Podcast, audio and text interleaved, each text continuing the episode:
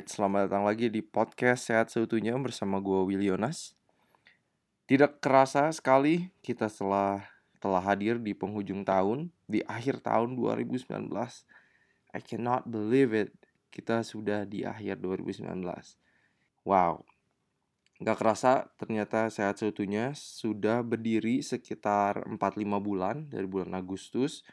Seminar pertama kita juga kita adakan di bulan Agustus di Bandung. Dan gak kerasa banget podcast ini udah dimulai dari akhir September dan sekarang udah akhir Desember lagi. Gua harap podcast ini bermanfaat buat kalian para pendengar semua. Baru sekitar tiga bulanan, uh, ada sekitar 12-13 podcast yang telah kita rilis. Semoga itu bermanfaat dan kalau kalian rasakan manfaatnya, please share uh, podcast ini ke saudara-saudara kalian yang lain, ke keluarga-keluarga kalian. Semoga semakin banyak orang yang bisa semakin sehat seutuhnya. Dan kalau ada topik-topik pembahasan seputar kesehatan, of course, yang kita pengen bahas, kontak kami di Instagram kami setuhnya S E T U H N Y A dan kita akan balas, kita akan respon, kita akan pelajari topiknya, kita akan bahas di podcast kita sehat seutuhnya. So di podcast kali ini karena kita sudah berada di akhir tahun, biasanya akhir tahun itu adalah waktu-waktu yang pas untuk mengevaluasi tahun ini, tahun 2019. Dan kita akan melihat ke depan punya New Year resolution di tahun 2020. Itu topik pembahasan kita. Kita akan lihat dan belajar evaluasi kehidupan kesehatan kita di tahun 2019. Apakah kita sudah sehat seutuhnya di tahun 2019? So mungkin kalau kalian bisa review tahun 2019, pertanyaan pertama yang mau gue tanyain adalah berapa kali sih lu sakit di tahun 2019? Jadi lucu juga bokap gue itu punya satu kebiasaan dari gue kecil. Dia itu punya satu buku jurnal sakit namanya dia catat dia bokap gue mau tahu berapa sering sih anak-anaknya sakit istrinya sakit dia sendiri berapa kali sakit dalam satu tahun dia tuh pengen tahu. Dan menarik banget dari jurnal sakit itu ternyata pas gue kecil pas gue lihat balik lagi gue itu orangnya gampang sakit. Bokap gue juga dulu gampang sakit. Bokap gue dalam satu tahun 12 bulan dia sakit sekitar kira-kira 12 kali dengan kata lain satu bulan sekali pasti dia sakit. Dan kalau kita ngelihat jurnal itu kita ngeri banget gitu. Wow lifestyle kita pola hidup kita pola makan kita lifestyle kita in general itu ngeri banget sampai akhirnya kita itu sering sakit. Apakah itu simply batuk pilek apakah itu sakit tenggorokan apakah itu demam? Wow. So kalau kita lihat jurnal sakit kita sekarang lagi itu hampir nggak ada catatannya jarang banget kita sakit. Walaupun batuk pilek kayak gitu juga jarang banget kita sakit karena kita udah adaptasi lifestyle baru, lifestyle sehat. Dari pola makan kita, kita makan whole food plant based diet, dari olahraga, dari kesehatan mental dan yang lainnya. So, ini pertanyaan pertama sekali lagi berapa kali sih lu sakit tahun ini? Kalau lu review lagi tahun 2019, kira-kira lu sering sakit gak sih tahun ini? Kayak sering kecapean, sering KO karena lu mungkin terlalu sibuk sama kerjaan, terlalu sibuk sama kuliah, atau terlalu sibuk main. But anyway, gampang sakit gak sih lu di tahun 2019? Nah kita mau evaluasi uh, tahun 2019 ini. Pertama kita lihat dari pola makan. Kalau lu lihat balik tahun 2019, kira-kira ada gak sih pola makan lu yang bisa lu improve? Misalnya lu punya kebiasaan skip meals. Jadi banyak orang yang terlalu sibuk, mereka jadi nggak makan teratur, mereka cuma makan satu kali sehari. Udah gitu misalnya sisanya cuma minum boba-boba, minum jus, jus-jus yang udah banyak gulanya, atau minum soda-soda. Jadi kalau lu punya habit itu, lu review, dan oke okay, lu tandain. Oke okay, kira-kira habit ini nih yang nanti gue mau improve atau enggak dari habit makan yang lain misalnya oh gue jarang banget sih makan sayur buah di tahun 2019 karena misalnya emang dari dulu gue nggak suka makan sayur dan buah oke itu juga lu catat sebagai poin yang nanti bisa diimprove atau enggak oh dua di tahun 2019 ternyata gue gain weight banyak banget karena gue banyak banget makan gorengan. Oke, itu poin lagi yang lain yang oke ternyata gue gue bisa improve di tahun 2020. Coba evaluasi deh dari segi pola makan, dari makanan yang lu makan, ada nggak sih yang bisa diimprove? Atau enggak lu catet pola makan apa aja yang lu jalanin di 2019 terus lu tandain mana yang lu mau improve jadi kalau misalnya lu ngerasa juga gue terlalu banyak makan snack-snackan deh gue banyak makanan bungkusan di rumah proses food yang gue stok jadi tiap kali gue ah pengen ngemil udah ada keripik kentang tiap pengen gue ngemil udah ada biskuit-biskuit di rumah so kalau itu habit kalian di 2019 tandain dan nanti kita bakal ngomongin gimana sih cara improve itu. Selanjutnya dari olahraga. Di tahun 2019 seberapa sering sih atau seberapa rutin sih lu olahraga? Misalnya cuman seminggu sekali atau enggak sebulan sekali, sebulan dua kali. Coba look back deh, berapa sering sih kita atau seberapa sering sih lu exercise? Coba kita look back dan kita tandain. Oke, okay, olahraga harus gue improve di tahun 2020. Dan coba kalian juga pikir, kenapa sih gue nggak olahraga di tahun 2019?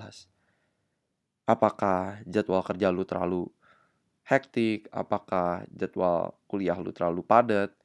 Atau lu banyak main sama teman? Atau misalnya lu susah banget bangun pagi? Lu coba lihat apa sih masalah utamanya kenapa gue nggak olahraga?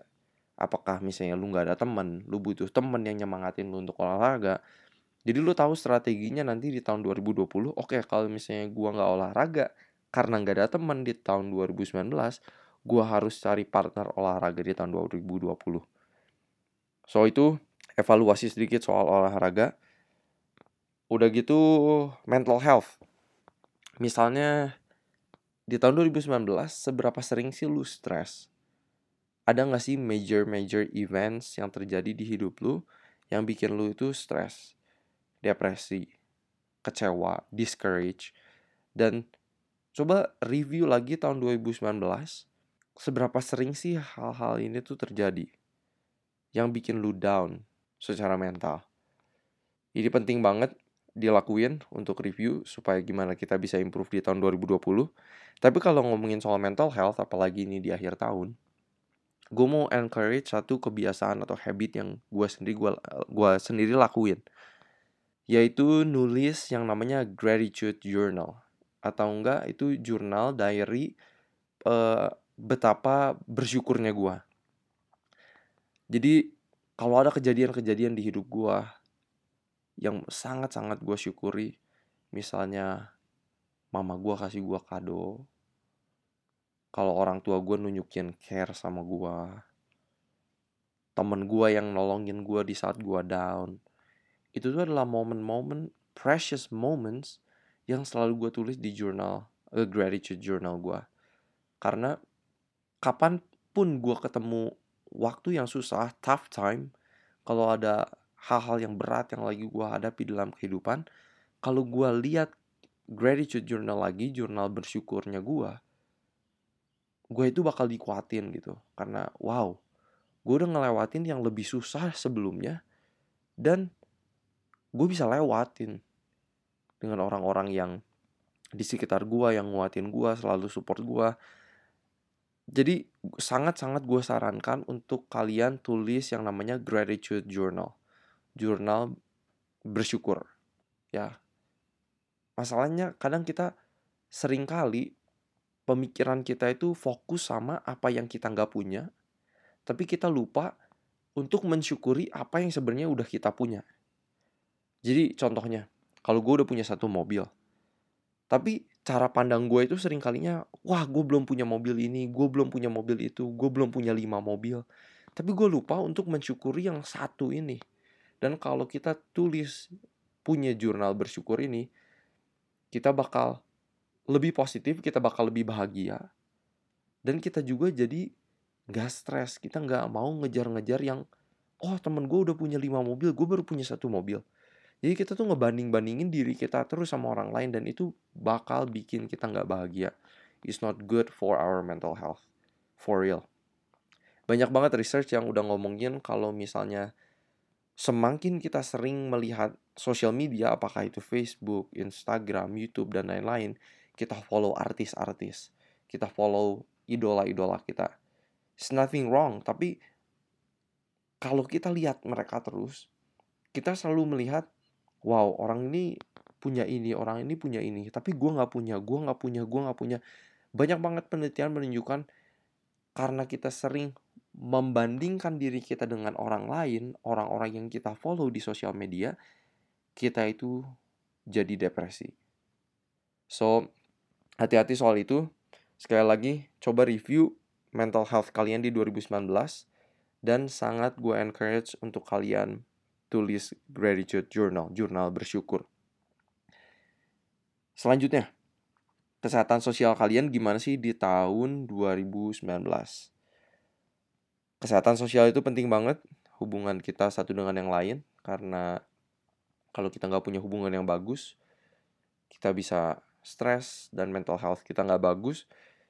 Jadi coba review deh di tahun 2019, apakah lu punya masalah sama orang? Apakah lu punya musuh di tahun 2019? Dan apakah hubungan itu bisa diperbaiki sekarang. Karena lu pengen punya tahun 2020 yang baru, a new start, a fresh start, yang gak ada beban, supaya lu bisa fokus dengan goal-goal di hidup lu, tanpa beban, tanpa hubungan sosial yang kurang bagus. So coba deh, review di tahun 2019. Ada gak sih masalah-masalah dengan orang lain yang belum gua selesaikan di tahun 2019?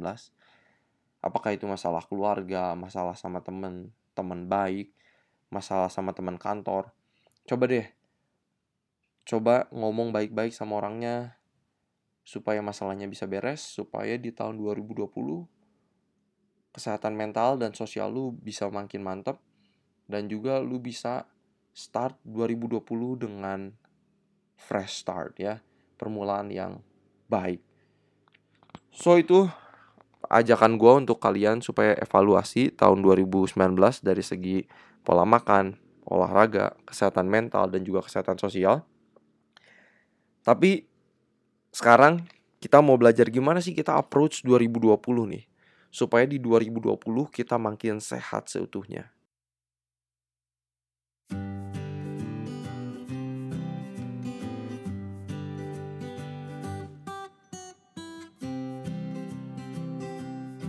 So, kita mau ngomongin pertama dari makan nih ya, dari kebiasaan makan kita. Kalau udah ngikutin podcast sehat satunya, lu tahu gue makan whole food plant based diet 100% nabati dan misalnya lu susah banget buat lu makan sayur dan buah dan lu pengen jadiin makan sayur dan buah lebih banyak itu sebagai goal lu di tahun 2020. Nah, tapi yang gue saranin misalnya lu udah punya goal, coba lu bikin cara yang spesifik untuk mencapai goal itu atau tujuan itu. Contohnya, oh ya gue pengen makan sayur dan buah lebih banyak. But how? Gimana caranya? Oh oke, okay, gue bakal belanja sayur dan buah lebih banyak. Oke, okay, itu satu cara. Oh iya, mungkin cara lainnya gue harus belajar masak supaya sayur sama buahnya itu enak dimakan supaya gue enjoy makannya. Oke, okay, itu cara yang kedua. Jadi kalau lu udah set goal, coba tentuin cara yang spesifik supaya lu bisa mencapai tujuan itu. Oke? Oke, contoh lainnya dari pola makan. Misalnya lu ngerasa 2019 lu terlalu banyak makan snack-snack, makan makanan bungkusan dan lu misalnya udah gain weight, oke, gue mau berhenti makan makanan bungkusan. Terus strategi lu apa? Oke, gue mau buang makanan bungkus-bungkusan yang ada di rum rumah gua sebelum 2020 mulai. Atau enggak hari ini juga, oke. Dan lakukan. Jadi lu udah set goal, gua pengen buang makanan-makanan yang gak sehat, makanan-makanan bungkusan. Dan caranya gimana, target waktunya kapan, itu juga penting. Jadi paling lambat misalnya 30 Januari, uh, sorry, 30 Desember, lu udah buang semua makan makanan bungkusan. Atau enggak cara lainnya misalnya di 2019 lu udah didiagnosa atau bukan didiagnosa ya sih ya. Mungkin lu udah tes darah terus kolesterol lu udah lebih dari 200 lu pengen turunin kolesterol lu oke gimana caranya? Stop makan makanan hewani karena makanan nabati itu nggak ada kolesterolnya sama sekali sedangkan makanan nabati nggak sedangkan makanan hewani itu berkolesterol. Ya daging-daging susu telur keju itu berkolesterol semua. So itu dari soal makanan. Jadi coba goal kalian soal pola makan di 2020 itu apa dan tentuin gimana kalian supaya bisa achieve goal itu. Soal olahraga misalnya di 2020 lu udah pengen nih olahraga mulai misalnya dua, dua kali seminggu tapi rutin konstan. Terus lu buat strateginya oke okay, gue mau bikin gym membership. Atau enggak gue mau olahraga di rumah deh ngikutin YouTube doang atau enggak gue bakal lari di gor mana sama temen gue hari apa jam berapa. Dan lu harus bikin perencanaan ini supaya goal lu itu terrealisasikan. Karena kalau misalnya tujuan-tujuan goal-goal lu itu cuman jadi di kertas atau nggak cuma di catatan HP doang, itu nggak akan ngebawa lu untuk sehat seutuhnya. So itu soal olahraga, coba juga bikin tujuannya spesifik juga apa ap, jenis olahraga apa yang pengen lu lakuin, apakah lari, apakah badminton, apakah sepak bola, apakah calisthenics, apakah dan yang yang lainnya deh, banyak banget yang lain. Itu soal olahraga. Selanjutnya soal mental health. Kalau misalnya di 2020 lu pengen improve your mental health. Ya, lebih nggak stres, lebih nggak depresi, nggak ngerasa hampa. Atau apa pun kasus mental health yang kalian alami. Coba bikin goal atau tujuannya yang spesifik. Contoh misalnya lu orang yang khawatir, susah banget khawatiran. Caranya gimana? Kalau misalnya lu orang yang religious, orang yang beragama, Mungkin caranya, oke, okay, pertama gue mau berdoa lebih banyak. Mau ibadah lebih banyak. Atau enggak gue mau baca kitab suci agama gue lebih banyak. Oke, okay, itu tujuan-tujuan yang spesifik. Atau enggak, tahun 2020 lu mau mulai nulis gratitude journal. Jurnal bersyukur, oke. Okay. Targetin berapa sering nih mau tulis gratitude journal. Jadi misalnya uh, dua kali seminggu lu udah set di kalender jam 7 malam misalnya ini waktu gue tulis jurnal bersyukur dan karena itu jurnal bersyukur itu terlihat simple but it's gonna change your life because karena kita itu tuh simple banget tapi kadang kita tuh uh, take it for granted gitu karena kalau kita ingat bagaimana kehidupan kita yang uh, sebelumnya dan betapa bersyukurnya kita dengan apa yang kita punya itu tuh bakal nolong mental health kita banget So itu gratitude journal atau enggak yang terakhir adalah kesehatan sosial lu. Misalnya lu di 2020 pengen punya hubungan yang baik terus sama teman. Punya hubungan baik sama keluarga, pengen spend time sama keluarga lebih banyak supaya kesehatan sosial lu juga lebih baik. Oke, kalau misalnya pengen hubungan sama keluarga lebih baik di tahun 2020.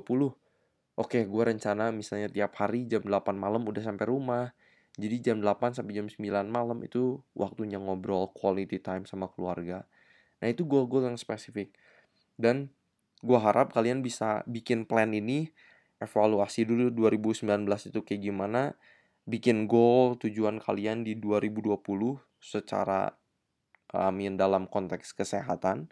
Semoga doa gue seperti biasa, doa kita adalah semoga kalian semakin sehat seutuhnya secara fisik, mental, dan sosial. Dari makan whole food plant-based diet, berusaha makan mendekati whole food plant-based diet. Jadi coba mulai tinggalin um, daging, susu, telur, keju di tahun 2020 karena gue yakin itu bakal nolong kalian mau weight loss, mau kalian buat lebih lancar bu- uh, ke belakangnya, ya buang air besarnya dan lain-lain I mean banyak banget manfaat-manfaat whole food plant based diet. Jadi berusaha makan mendekati whole food plant based diet 100% nabati. Dan yang gak diolah-olah. Ya, coba hindari makan makan bungkusan kayak gitu. Terus doa gue juga dari seperti biasa olahraga. Gue sendiri, gue itu secara pribadi olahraga 6 kali satu minggu. Jadi hampir tiap hari banget. Rest day gue itu cuma satu hari. Hari Sabtu. Um, Terus dari segi mental health, ya tulis jurnal bersyukur. Pikirkan hal-hal uh, apa yang kalian punya bukan apa yang kalian gak punya. Oke. Okay? Dan juga yang terakhir kesehatan sosial, memiliki hubungan sosial yang bagus. Oh ya, gue mau mention tentang uh, hubungan sosial. Kalau kalian pernah dengar Blue Zone, Blue Zone adalah daerah-daerah di dunia ini yang orang-orangnya itu tinggal sampai seratusan tahun sampai hari ini. So menarik banget. Jadi salah satu tempatnya itu adalah di Okinawa Jepang, terus ada di Loma Linda California, di Ikaria Greece dan ada dua tempat uh, yang lainnya lagi di Italia, Sardinia Italia sama di Costa Rica. Yang menarik banget National Geographic me melakukan penelitian observasi kenapa sih orang-orang ini bisa hidup panjang. Salah satu alasannya adalah hampir 100% yang mereka makan adalah plant based, adalah nabati. Tapi sisi yang lainnya adalah mereka selalu memiliki hubungan sosial yang baik. Mereka itu kenal tetangga mereka main bareng tekat tetangga mereka ngumpul bareng makan bareng sama tetangga mereka teman-teman mereka. Hubungan mereka secara komunitas itu kuat banget. Dan ini adalah salah satu kunci supaya orang itu hidup sampai 100 tahun dan hidupnya sehat so itu doa dan harapan gua Semoga di 2020 kita juga sehat seutuhnya bisa terus menjadi berkat buat kalian. Kita akan terus update kalian soal seminar-seminar yang bakal kita lakuin atau workshop yang bakal kita lakuin. Dan terus follow kita di Instagram di setuhnya dan juga podcast kita kalian bisa dengerin di Spotify, di Apple Podcast. Dan please share podcast podcast ini ke keluarga kalian, saudara-saudara kalian supaya kita semua semakin sehat seutuhnya. Oh ya terakhir gue mau ngucapin Happy Holidays buat kita semua Merry Christmas dan Happy New Year buat kalian yang merayakan Dan enjoy family vacation Maintain the good healthy lifestyle Walaupun lagi masa liburan. Itu dari gue Salam sehat dari gue Willionas